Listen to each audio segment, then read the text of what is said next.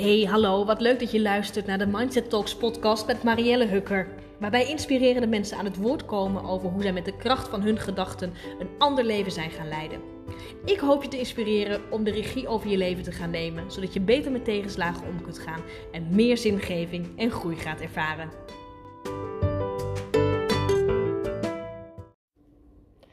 Hey, hallo. In deze aflevering stel ik mezelf voor, zodat je weet wie je voor je hebt, naar wie je luistert en ook wat precies de reden is waarom deze podcast er is gekomen.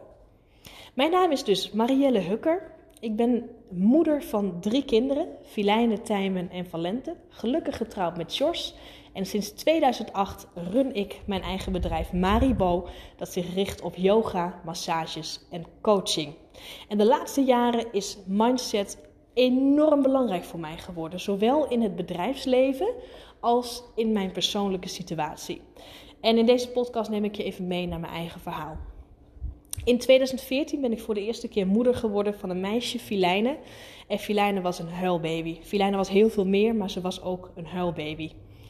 En voor degenen die dit ooit hebben meegemaakt, die weten hoe intens zwaar het is om een huilbaby te moeten opvoeden. Bij ons was het geen moment stil. Filijne sliep kwartier, twintig minuten hooguit aaneengesloten, dag en nacht. En voor de rest huilde ze alleen maar. En dat heeft best wel een hele tijd geduurd. Wij kwamen na anderhalf jaar op het briljante idee om voor een tweede kindje te gaan. En zo geschiedde dus dat ik opnieuw zwanger werd. Ons tweede kindje werd geboren, Tijmen. En ook Tijmen was een huilbaby. Op dat moment was Filijne net twee jaar oud. Sliep, had nog geen nacht doorgeslapen. Sliep nog steeds, nou, 20 minuten, half uurtje, maximaal aan één gesloten. En dan was het weer wakker en, en huilen iedere keer. En Tijmen bleek ook een huilbaby te zijn. Die schreeuwde ook de hele nacht door en ook de hele dag door. We werden er letterlijk knettergek van. Het was echt heel erg zwaar.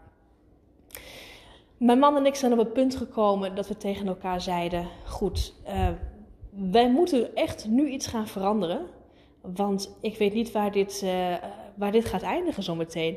Je, je krijgt op een gegeven moment gedachten waarbij je denkt: we gaan die kinderen een keer wat aandoen, want we trekken dit niet. Of, of misschien moeten we onszelf wat aandoen omdat we het niet vol kunnen houden. Nou, dat is uiteindelijk uh, natuurlijk nooit de oplossing.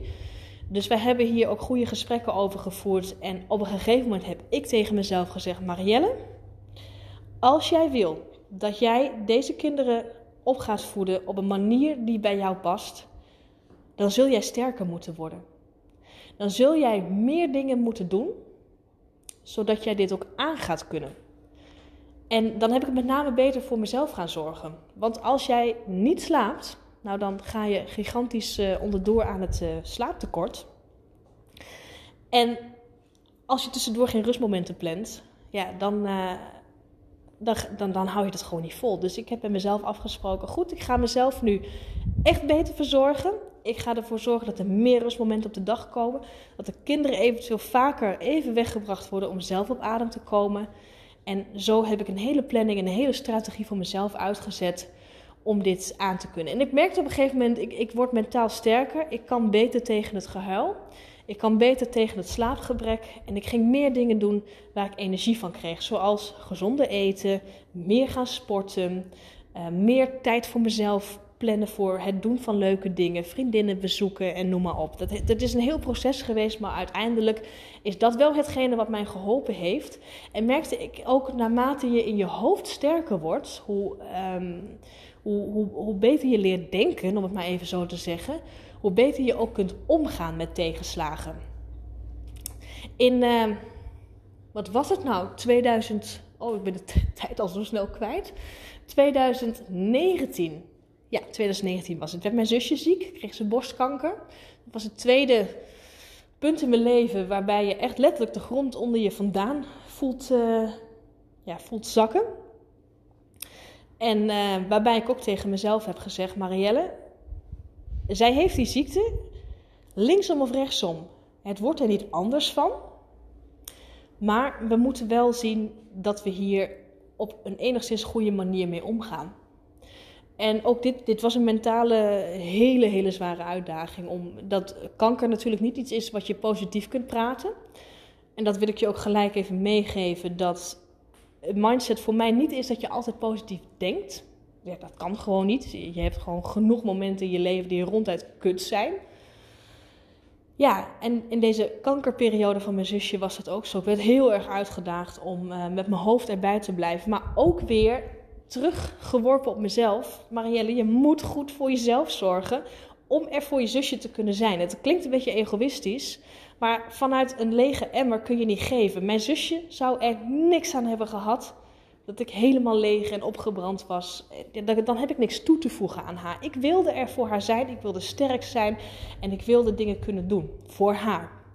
Dus ook zodoende weer die bevestiging: je moet sterk zijn om dingen aan te kunnen. Dus zodoende, uh, ook in dit hoofdstuk van mijn leven, ben ik er weer achter gekomen hoe ongelooflijk belangrijk mindset is. In de tussentijd hebben we trouwens een derde kindje gekregen, Valente. Echt een heel lief en rustig meisje.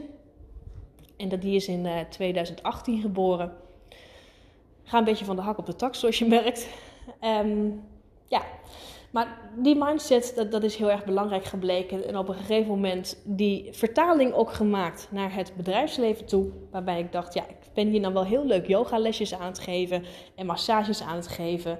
En uh, langzamerhand ook een beetje coaching gaan toevoegen. Omdat mensen dat op de een of andere manier ook wel heel fijn vonden om met mij te praten. En ze daar ook echt daadwerkelijk door geholpen werden. Maar ja, dan moet je wel weten, waar help ik dan precies mensen mee?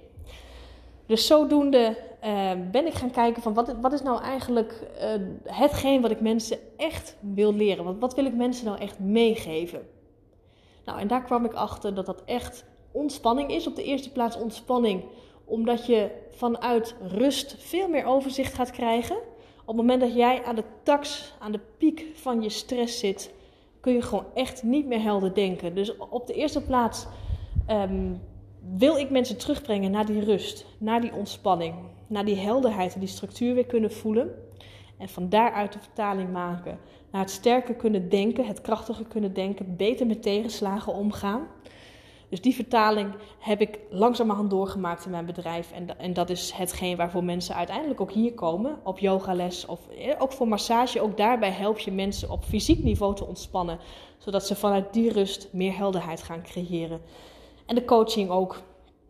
En de dingen die ik uh, allemaal doe, draaien inmiddels allemaal op het sterker maken, het, het mentaal weerbaarder maken, zodat je beter om kunt gaan met dingen. Op een gegeven moment ben ik afgelopen jaar, 2020, op Instagram actief geworden met het delen van uh, mindset stories iedere ochtend. En ook dat werd zo ongelooflijk goed ontvangen door mijn volgers, dat ik dacht, uh, nou dat is wel leuk, maar je kunt eigenlijk in die Instagram stories maar zo'n klein beetje meegeven. En het staat ook maar heel even op natuurlijk. Dus op een gegeven moment, als je er geen tijd voor hebt, dan zijn ze ook na 24 uur weer weg. Kwam ik uh, in de afgelopen lockdown, december 2020, uh, eh, aan het nadenken: wat kan ik nog doen?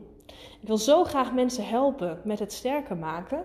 Wat kan ik nog doen? Wat kan ik nog bijdragen om uh, anderen te helpen? En zodoende ontstond bij mij het idee om wat meer gesprekken aan te gaan met meer mensen die ook een soort gelijk iets hebben meegemaakt of, of iets anders hebben meegemaakt, maar wel met als leidraad, doordat je anders bent gaan denken, ga je ook andere dingen doen en daardoor ga je ook andere resultaten krijgen.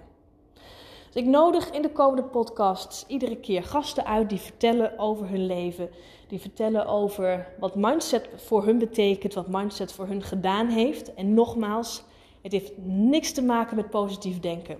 Het heeft alles te maken met mentale weerbaarheid. En daar hoop ik je in de komende podcast mee te helpen. Bedankt dat je luisterde en tot de volgende keer.